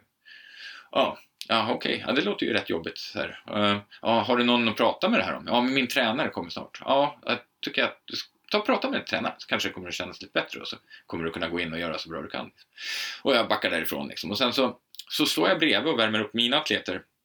Så hör jag den här tränaren så fullständigt, alltså förminskar den här personen när hon säger att men jag, jag har panik för det här för det här eventet. Jag tror att jag kommer att misslyckas med, oh, jag kommer inte ihåg vad det var för rörelse, handstående armhävningar. Och den här personen bara säger, äsch du som är så duktig på handstående armhävningar. Och det här är ju ett sätt att säga, jag tar dig inte på allvar när du säger att, att du är orolig. Och det här är nog en ganska viktig sak som vi gärna gör både på den här mikronivån, nere på golvet i våra mikrogym och jag menar, de som jobbar med elitatleter. Det är att eh, den här känslan, den må vara inte rotad, för den här personen var ganska duktig på handstående armhävningar, det får jag hålla med Ja, om. var ju på Europamästerskapet. var på Europamästerskapet. Eh, eh, och, och de här personerna som går i ett gym, jag menar, behöver inte vara rädda för att ha vikt över huvudet eller, jag menar, var, var, vad, fan, den här lukten av gummi och det här smällandet, det behöver du ju inte vara rädd och orolig för. Det är bara mysigt, tycker vi. Men alltså, det är nog ganska viktigt att kunna skilja på den här känslan är ju sann. Den är bara inte kopplad till verkligheten. Så jag tror att vi som tränare, om vi bara så att modellerar verkligheten här och, och liksom säger ja men du är duktig på det här. Då har vi liksom inte, då har vi, vad vi har gjort är att förminska den här personen. Jag tror att vi istället ska försöka bekräfta den och säga ja men vad får du att känna så? Eller kan vi göra någonting för att du, för att du ska lyckas bättre i det här eventet då? Ja, men jag skulle ju kunna, jag skulle ju kunna, det här sättet att värma upp har funkat bra för mig förut. Ja, men, ja, men då prövar vi att göra det. Finns det något mer? Ja, en sak är att förra eventet jag var med när det gick alldeles åt skogen, då glömde jag att kissa innan. Man bara okej, okay, men det här... Ja, men så kommer man ner till några enkla saker man faktiskt kan göra. Och helt plötsligt visar det sig att man kan stå ut med att ha den här känslan och att den inte påverkar själva handling, handlingen. Så här. Men det här är ganska svårt att göra, för det här kräver att man återigen som tränare tittar på den personen man har framför sig och tar den på allvar. Och inte tar att jag tycker inte att det här är jobbigt eh, och, och liksom projicera det på att du ska därför inte tycka det, utan du tycker att det är jobbigt. Och den här känslan, jag menar visst, eh, det är ingenting som vi ska agera på, men vi måste agera på att du har känslan. Det tror jag är ganska viktigt. Och när man går in i ett gym, alltså den här lukten som, alltså jag associerar, du är säkert också, visst är det mysigt när det luktar lite gummimatta? Mm. Super. Mm. När det smäller när folk släpper stänger i, i golvet, åh gud vad härligt. Jag gillar också jättemycket ljudet, för jag hör så här, ryck och stöt gillar jag jättemycket. Och jag hör ljudet när man smeker stången eh, i höften efter att ha liksom accelererat den upp mot, mot eh, axlarna eller huvudet och landningen och sen alltså det här som man hör om Träklacka i det marken.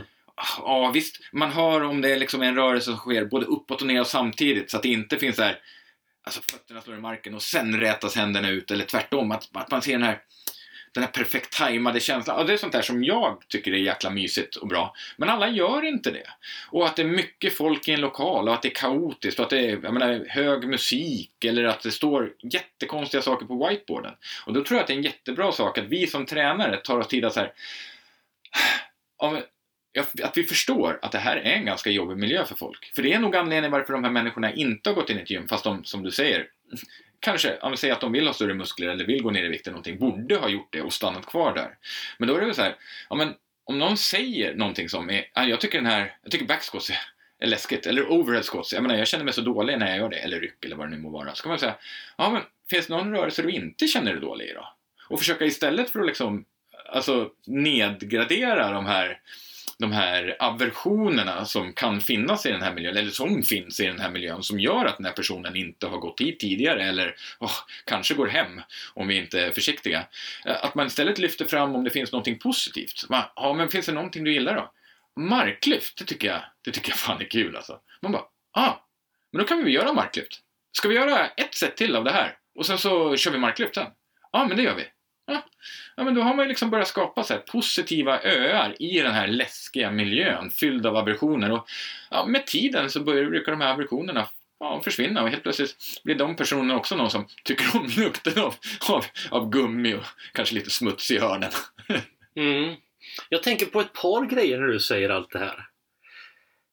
Vi har pratat mycket eh, träning, eh, även psykologi människan. Eh, Du har inte nämnt kost så mycket. Mm. Sen tänk också på hur långt behöver vi som tränare empatisera med människors problem? Ibland vill människor bli utmanade, eller? Mm. Alltså, är det vårt jobb att det vara liksom eh, psykologer och liksom när det här omsorg kontra utmana. Vissa människor vill bara, men säg vad jag ska göra istället. Jag betalar för ett kostschema. Mm. Ja, men det här är ju ett sätt att möta människor. Men jag kan säga, bara tillbaka till, till, eh, till kost och sånt där, så tror jag att... Alltså det är ju såklart, alltså beroende på vad man vill ha, vad man vill ha ut utav träning eller, eller livet, så spelar det ju kanske roll vad man äter. Eh, för en del, jag menar, jag gillar ju vin och sprit. Jag är jätteförtjust i sprit. Jag är en superspritnörd, Henrik. Jag gillar ganska mycket som... Jag gillar hälsa, men jag gillar också... Jag menar, ohälsa är ju bara ett, en bokstav från hälsa. Ja. Och så det vill ju jag ha i mitt liv. Eh, och då- Men det är en betydelsebärande bokstav. Ja, det är det. Men, men jag, alltså, och så är det ju för många andra. Jag menar, de vill kanske äta pizza och chips och, och sånt där. Jag menar, och då tycker jag att de ska, jag menar, gör det då. Men, men man kanske inte behöver göra det jämt. Jag kan inte dricka sprit jämt, Henrik. Det, det, skulle, det skulle inte bli bra alls. Jag får, får hålla, hålla mig till, till tidpunkten när jag inte är tränare till exempel. Ja, nej men för att komma tillbaka till det här då. Så när jag tror att en förändring, om man vill ha en förändring, säg i, i kroppskomposition, säg då. Det är så man brukar Folk, många kommer ju in och säger att de vill gå ner i vikt så brukar man säga att du vill ändra din kroppskomposition, det är det du menar va? För du vill inte bli en tunnis kanske. Nej, det stämmer nog att ha kroppskomposition. Jag menar, då, det är ganska klurigt att ändra kosten alltså. Man, man kommer att konfronteras med att man menar, ovillkorligen, inte bara en gång utan väldigt många gånger, varje dag så att säga misslyckas med att vara perfekt. Eller det perfekta ganska svårt att nå. Medan träning, det är någonting som är oerhört lätt att göra ändå. Alltså, eh, att träna tre gånger i veckan kräver ju faktiskt, alltså, särskilt på ett mikrogym där man blir omhändertagen. Man kommer dit och så säger någon vad man ska göra. Jävla enkelt ändå. Och, så det enda som återstår då, det är att packa väskan och ta sig dit. Säg, vi säger att det är att lyckas med tre saker jämfört med att att inte eh, agera på varenda impuls att äta det man kanske tycker är gott eh, fast, man, fast man inte borde. Eller för mig då, att inte dricka vin varje dag. Det, det blir inget bra. Vi håller oss till fredagar på kvällen helst. Eh, och, och, och det här är ju det här gör det liksom lite enklare, så jag tycker att det börjar med träning. Så vi pratar väldigt lite om kost eh, med våra medlemmar. Men Martin, Crossfits pyramid, kosten är det viktigaste. Mm. Hallå? Ja, men det är fel. det tycker jag. utveckla. Nej, jag behöver inte utveckla det så mycket. Så jag tror att det börjar med träning. För att det är ett, helt enkelt ett enklare sätt att skapa nya rutiner. Ett jättebra sätt att inte hålla i rutiner det är att misslyckas. Och att börja med kosten, det är ett jättebra sätt att misslyckas väldigt ofta. Då tror jag att det blir så. Om man, om man kopplar ihop kost och träning så att säga. Jag ska börja ett nytt liv, säg. Eh, och, och man liksom lägger den här grunden i pyramiden i kosten. Även om kosten kanske ändå är viktig på sikt. Eh, men om man lägger grunden där och liksom förankrar träningen i kosten snarare än tvärtom. Då tror jag att det kommer bli, man misslyckas väldigt, väldigt mycket och då slutar man inte bara med det man misslyckas med. För det blir ju jobbigt att konfronteras med att man är dålig på någonting. Och då slutar man också med träningen. Men om man istället börjar med träningen, någonting man kan lyckas med, där man dessutom, om man går till ett ställe som har duktiga tränare som kan, jag menar, ge dig vad du behöver på den nivå du behöver det för att utvecklas, varje enskild individ. Det här är ju omöjligt på ett stort gym med tusentals medlemmar, men funkar på ett mikrogym med duktiga tränare som kan ta sig tid för varje person. Jag menar, då kommer man att lyckas lyckas med träningen. Man upptäcker att shit, jag kunde marklyfta det här förut och nu kan jag det här. Eller åh shit alltså. Förut så gjorde jag bara starfish snatch och fick ont i axlarna. Men nu när jag har varit med Kattis på Crossfit Uppsala, Henrik. Då, då, då är axlarna hela och jag kan sittrycka. Ja, men då, då kommer det nog vara så att man kanske, ja men, ja men vad ska jag äta då? och då har man ju börjat förankra den rutinen i träningen som man har mycket lättare att behålla snarare Okej. än tvärtom. Så du ser mer på kost, alltså um, katalysatorn till en bra hälsa är fortfarande att börja med träning. Mm. Som du säger, you can't outtrain a bad diet. Det sa jag i förra poddavsnittet. Mm. Det är inte så kort. Du kan inte analysera det påståendet eh, i isolation. Du måste tänka, vad händer sen? Ja, nej, gud, absolut. Men det är ofta så med sådana här, men det är samma, man tänker, catchfraser i, i träning och så, man tänker bara, man bygger en pyramid utav, du pratade om en pyramid.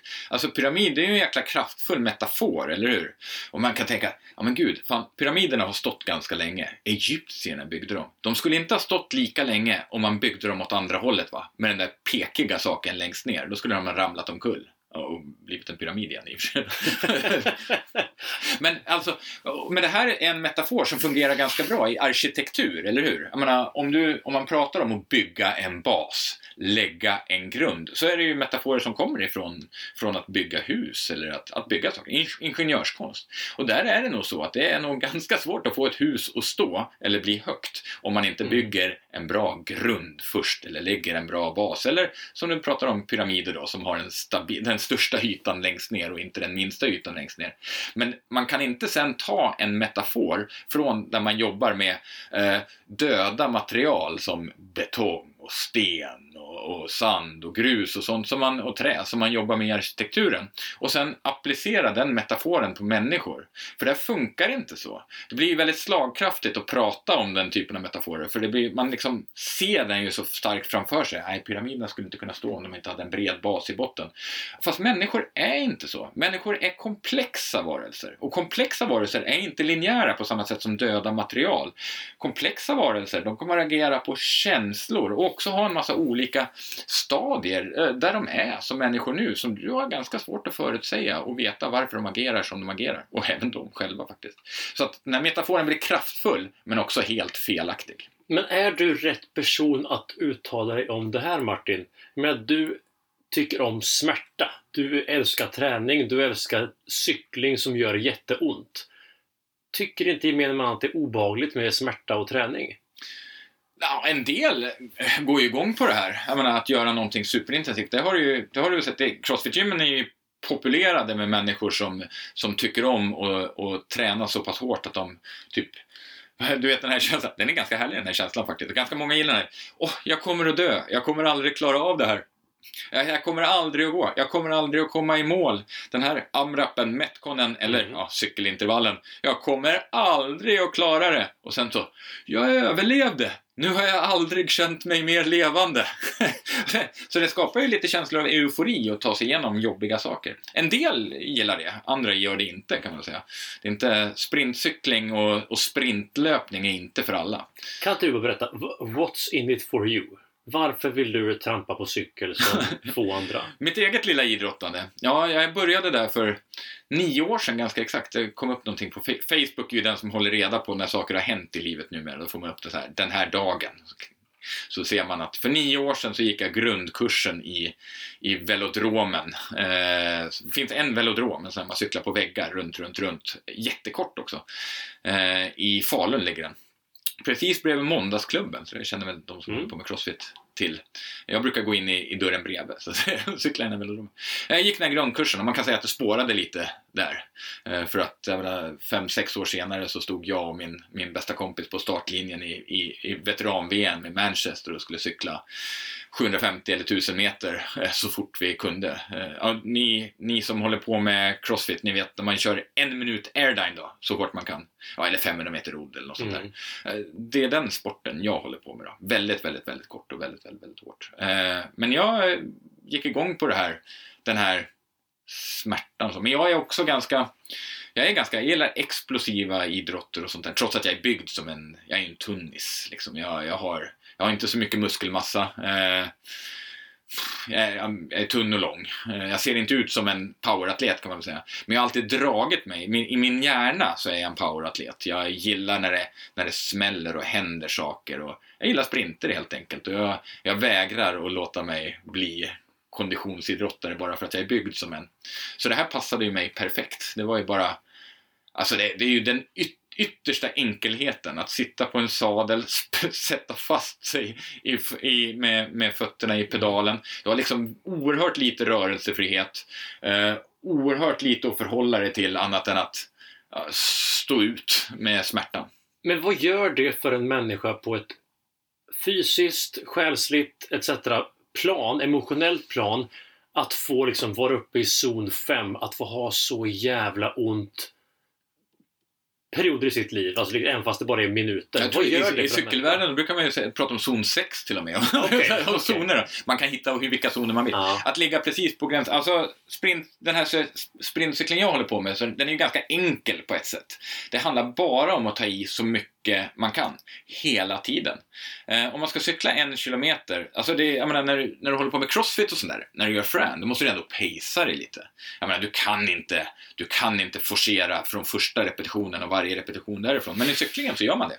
Det är helt enkelt så, man börjar ju från stillastående, så man har inte tid att stå stilla så länge. För då går ju klockan. Va? Eh, och det är bättre att dö mot slutet, att, eller att dö halvvägs, man dör väl rätt tidigt faktiskt. Eh, att man tappar fart så att säga.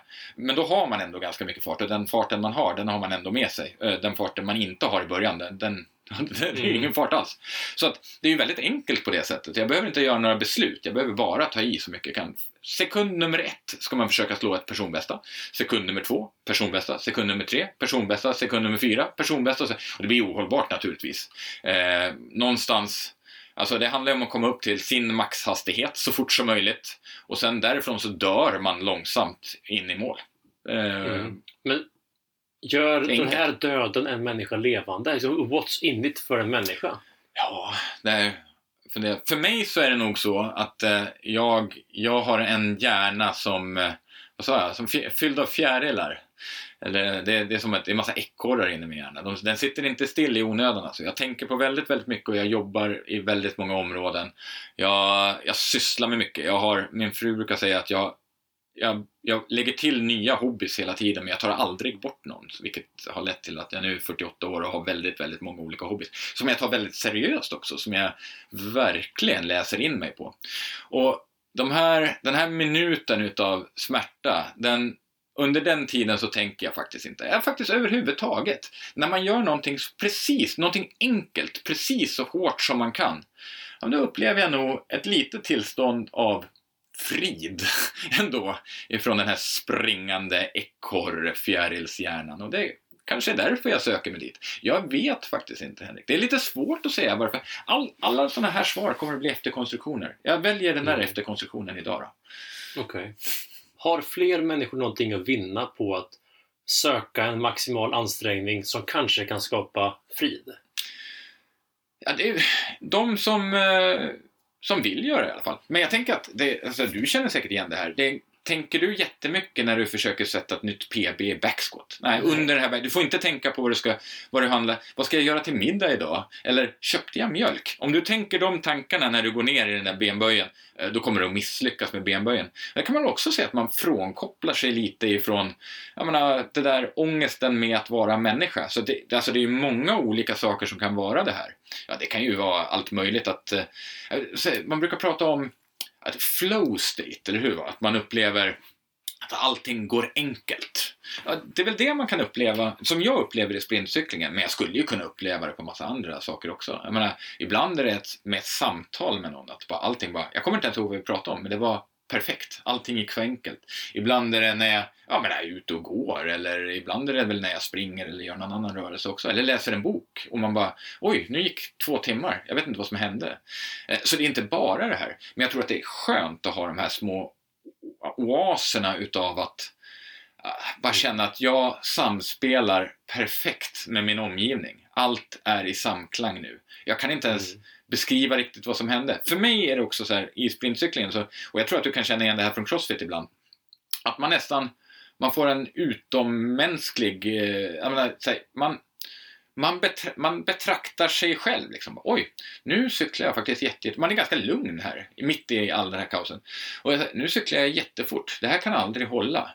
Men det känns ganska bra. Och jag känner precis så här. Och man, man liksom verkligen noterar precis allt. Allt är perfekt. Men jag tror ju att för att en människa ska bli hooked på någonting och få Mm. livslånga vanor så måste du ha liksom ett par sådana här eh, power of moments Mm. som kanske får dig att tro på någonting. Det kanske är lätt för någon som är bra på styrketräning, velodromcykling att skapa sig själv ögonblick som är minnesvärda som du vill komma tillbaka till. Men fram tills att en person har sin första liksom fysiska såväl som utomkroppsliga aha så det är ganska svårt. Ja, fast här tror jag, det får nog inte bara vara fysiskt. Det kan vara andra saker också. Jag tror där kan vi som tränare, om vi som tränare är väldigt, väldigt bra på att beskriva vad man vill ha ut av en rörelse. Men jag tycker nämligen till exempel ett ryck till exempel är, Mm. Alltså, det är inte bara vackert om det är en tungvikt. Det är vackert. Det är coolt att kolla på OS-finalen och se bara Åh, herregud, vad lyfte Sasha för, för vikt den här gången? Vad satte han nu för världsrekord? Var det 2,21 eller vad han har gjort? Ja. Vad gjorde han nu liksom? Men, men det, är, alltså det är också lika mycket värt att göra ett vackert ryck till exempel. Det finns många olika sätt att säga att ett ryck kan vara, alltså istället för att säga hårt så kan man också beskriva vackert. Och så skulle man också kunna beskriva sprintcykling, alltså, eller andra saker med. Va? Så att, att få den här, jag tror att vi som tränare måste styra till, alla ska nog inte ta ut sig på det sättet. För då kommer de, alltså det, jag har gjort det väldigt länge och det här är min, min personlighet att göra det. Jag kommer tillbaka och sätter handen på spisplattan just för att det gjorde ont.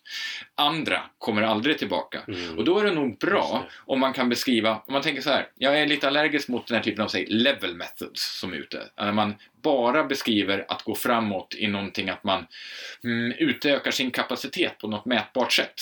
Eh, om man bara har det att jobba med, säg att ja, men, ett marklyft är bara bättre om jag lyfter mer. Om man, om man bara beskriver det så och man når en, ska vi säga en platå, eller blir sjuk, eller ah, gud förbjude, bes- ja det händer ju förr eller Mm. senare, man blir skadad. Och så kommer man tillbaka och istället för att lyfta jag hade ju en sån tillfälle. Innan, innan jag drog av mig min bicepssena så marklyfte jag för första gången, eller för, för första gången igen sen jag var lite yngre, 200 kilo. Och det var ju lite coolt sådär. Eh, hur mycket tror jag marklyfte när jag drog av mig min bicepssena sen?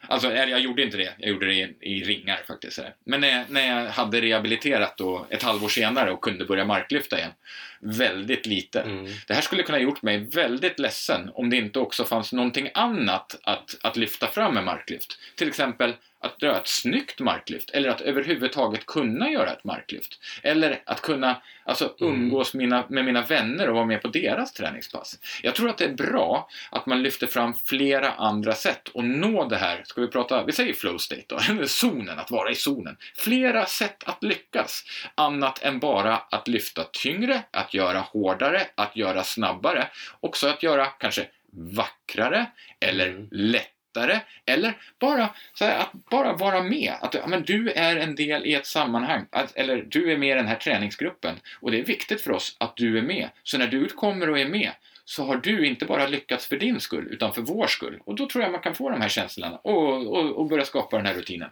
Men jag tror att det här får nog kanske bli stoff för senare samtal. Mm.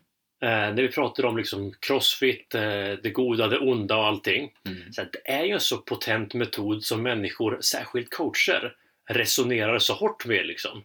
Att jag tycker det märks av om någon inte har haft eh, någon förkärlek för idrott före crossfit. För det är då människor Mm. blir farliga. När man ser arbetskapacitet och liksom mätbarhet som the end all be all. Mm. Du utes missar du ja, men rörelsekvalitet, eh, estetik, skönhet, känsla, alltså intangible stuff. Då går du miste om ganska mycket. Jag tror, fast jag tror att även, även, även om mätbarhet också kan vara någonting ganska starkt och kraftfullt som man kan använda så är det väldigt, väldigt viktigt att man inte slår för mycket på den trumman, särskilt när folk är nya. För då går det så jäkla snabbt fram på den där mätbarheten, mätbara fronten så att man börjar bli lite beroende av den. Eh, Så jag tror att, alltså, och det här kommer tillbaka till allt som jag har försökt säga här nu, att du som tränare, du måste vara svinduktig. Jag, jag är faktiskt lite så att jag jag blir ledsen och beklämd eh, när jag ser tränare som inte försöker vara bättre än vad de är hela tiden. Som inte försöker vara den bästa tränaren som finns. Eller i alla fall som ser en annan tränare som är bra och tänker ah, sådär, vill jag också vara. Det där ska jag stjäla eller en dag ska jag bli sådär bra. Och det betyder att du som tränare inte bara måste ha en enorm sakkunskap, faktakunskap, för det måste du ha. Du måste kunna din vetenskap. För annars kommer du aldrig att kunna så att säga stiga ur den där vetenskapen och börja se varje enskild situation då framför dig. Problemet är att det här är jättesvårt och jättejobbigt. Alltså att både skaffa sig faktakunskap och ställa sig ute i träningsutrymmena liksom, och möta varje person. Ja, men det tar jättelång tid om jag ska titta på varje person. Jag hinner inte med det. Nej, men bli bättre då för i helvete. Så att det kommer tillbaka till att du får inte bara ha en sak som du håller dig vid som är fast och mätbar. Eh, så du måste ta dig ifrån de här leveling-metoderna och också kunna införa den här, jag menar, det, det, det estetiska eller eh, det, det, det, ska man säga, Eh, samhörigheten eller andra olika saker i, som, som sker i en träningslokal. Du som, och du som tränare kan väl se dig själv som, säg, vi säger att vi som tränare är mer som barnmorskor för bra beteenden, tycker jag. Men sen måste ju beteendet komma från den man har framför sig. Men om man sätter en person i en situation där de egentligen bara, antingen nu eller snart, kommer att misslyckas, då är vi dåliga tränare. Så jag skulle säga en tränare som tänker att äsch, det är för komplicerat att inte bara prata om mätbarhet, eller det är väldigt kraftfullt att prata om mätbarhet som gör det väldigt mycket, en dålig tränare. Så det kommer tillbaka till allt det jag har sagt att det är ganska svårt att vara en bra tränare. Du måste kunna möta folk i deras situation och bekräfta istället för att förminska. Och utmana, naturligtvis. Du är, du är fantastisk Martin. Jag uppskattar jättemycket hur du uttrycker dig. Du, Vi har surrat i en timme och 15 minuter. Eh, är det någonting du vill avsluta med? Någonting du känner att du behöver säga för att röda tråd, sidospår ska bli lättare att ta till sig? Oj, oj. Nej, jag tänkte så här. När du pratade innan så, så, så hade en så här fråga som du tänkte ställa som jag började grubbla det är precis en sån grej som jag springer på som inte är så viktig i det här sammanhanget. Har du något favoritcitat? Och herregud vad mycket citat jag alltså har slängt med. Citat, de är ju ganska härliga för man kan ju alltid ta dem ur sin, ur sin situation. Jag menar, det finns sån här, alltså om man tar ett citat, jag kan, jag kan börja med ett citat som jag hatar förresten. Okej. Eh, till exempel det här, att den definitionen av dårskap skulle vara att göra samma sak gång på gång och förvänta sig olika resultat. Alltså en, ett citat som ofta, ofta tillskrivs Einstein, men det är helt fel. Det är inte alls han som har sagt det här. Men, men sak samma. Det är någonting som kan låta väldigt smart. Lite precis på samma sätt som det där med pyramiden. Att ta, ta någonting från en, eh, ett område Eh, och sen placera det i ett annat område. Då låter det smart, men det är dumt. Det är dumt att ha ett pyramidtänkande i träning. Det är smart att ha det när man är arkitekt. Det är dumt att ha det där citatet, men det kan låta smart. Eh, lite lustigt sådär. Eh, Så givet, givet att man då kan ta ett citat som är dumt, det där är jättedumt, det kan vi prata om någon gång. Eh, Men ändå att alla bara säger ja, det där lät, det lät, lät ju vettigt. Ja, men det är inte vettigt. Eh, givet att man kan göra det så blir det också rätt ty- tydligt att man kan ta nästan vilket citat som helst och få det att låta bra eller dåligt. För det har ju med situationen och, och vilken situation man säger det att göra. Men för att komma tillbaka till ett, ett, ett citat som, som jag tycker är bra då. Mitt favoritcitat. Ja, dels har vi det. Min fru brukar säga att man vet inte vad man har sagt förrän man får ett svar. Det tycker jag är ett väldigt bra citat. Jag tycker det också är ganska roligt att min fru, som hon är socionom och ganska, ganska smart, Man vet inte vad man har sagt förrän man fått ett svar. eller hur? Sändare, mottagare och brus pratar de längs vägen. Ah, I alla fall att man, all, alla har så mycket alla har så mycket arv och erfarenheter som man tolkar eh, situationer emellan. Och när man, man själv kan ju ha råkat tolka en situation helt fel. Och ibland när man får ett svar så upptäcker man att ah, det är ju någonting annat som åsyftas här. Alltså ord betyder olika saker i olika situationer. Till exempel kan vi säga så här. Min fru då, som, för att återknyta, hon, hon jobbar på en skola. Hon jobbar med elever med väldigt särskilda behov. Mycket så här autister och sådär. Och, och jag jobbar på ett gym. Så när min fru kommer hem och jag frågar henne om ja men hur har din dag varit? Och hon svarar, ja, alltså, uh, jag har mött väldigt många elever som har haft det tungt idag. Så betyder det någonting lite annorlunda än om jag kommer hem från mitt gym och jag säger jag har mött väldigt många människor som har haft det tungt idag. Alltså, det, det är så att man kan ta och. Man vet inte riktigt om, jag menar, det beror på hur du tolkar situationen, vad du vet, vart jag jobbar till exempel, hur, hur, hur du kommer att svara. Men det tycker jag är ett ganska bra citat och mest är det roligt för att hon då uppfostrade mig i filosofi, ett område som jag är ganska kunnig i. Det här är en, en rysk filosof som heter, en språkfilosof som heter Bak- Bakhtin. Och det, det är så lustigt att hon uppfostrar mig i rysk filosofi för det här. Jag tappade fotfästet, det här borde jag kunna. Ja, där, men där fick jag. Ja, men för att komma tillbaka till mitt favoritcitat, för det är ändå inte mitt favoritcitat. Mitt favoritcitat, det är, eh, det, det är en, en kille som heter Hunter S. Thompson som lever väldigt mycket. För jag, jag tänker väldigt mycket att man, man, man kan inte riktigt bestämma vad som händer i livet. Men man kan bestämma lite hur man vill leva sitt liv och sen så kommer det massa olika saker att hända. En del bra, en del dåliga. Och sen så får man försöka navigera det så gott man kan. Eh, och den här killen Hunter S. Thompson, han, hade verkligen en, en, en, en liksom linje i sitt liv kan man säga. Eh, en utav all, nästan allt han någonsin har sagt skulle kunna tas som ett bra citat faktiskt. Och det handlar inte om eter? ja, det kan, kan det få göra. De är också roliga. I alla fall så, så tycker jag faster, faster until the thrill of speed overcomes the fear of death. Det får nog vara mitt favoritcitat. en gång till. Faster, faster until the thrill of speed overcomes the fear of death. Så vill jag leva mitt liv. Jäklars. Ja men tack då.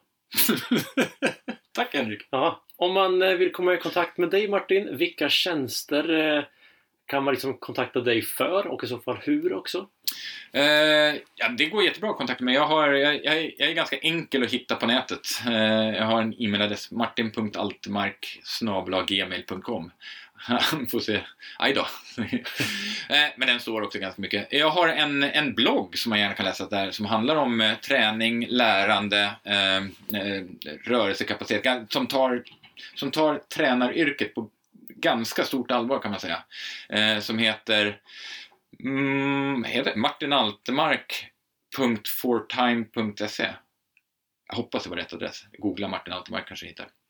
Eh, eh, vad heter Min blogg heter Ride Fast, Lift Heavy, Eat Cake. Och det är väl också lite av min livsfilosofi. Eh, mitt gym heter Crossfit Uppsala. Eh, där får man gärna komma och träna om man håller till i närområdet här i Uppsala. Jag jobbar på Lake och där håller jag kurser eh, åt. Där, så kan man, om, man, om man vill träffa mig kan man boka en kurs och, på Eleiko. Eh, då är jag ofta där. Eh, jag skriver lite träningsprogram också. Eh, det kan man också kontakta mig för om man vill, om man vill göra. Där har jag tyvärr lite, lite kö och så vidare. Eh, om man vill cykla velodrom så tycker jag att man ska göra det. Det är en jätterolig rolig sak. Eh, då tycker jag att ni ska kontakta velodromen i Falun. Där har de grundkurser och det kommer att vara, det kommer att vara en sån här känsla av att jag kommer att dö, men jag dog inte. Och nu har jag aldrig varit mer levande. Så om ni vill känna er levande så tar ni er upp till Falun. kan ni gå in till Marcus där på måndagsklubben bredvid också och störa honom lite. Precis. Då kommer han att bli glad. Mackan! Ja men grymt! Martin, ja, det är som vanligt det är en, eh, det är en uppvisning att få prata med dig. det var briljant att ha dig som lärare på Eleiko Function Trainer-kursen. Också rekommendation. Mm. Um, toppen! Jag är supernöjd. Tack, det var roligt. Ja, vi sätter paus här då. Ja. Så hoppas vi att ni har njutit av avsnitt 6 av Fitness, filosofi och floskler med the one and only Martin Altemark.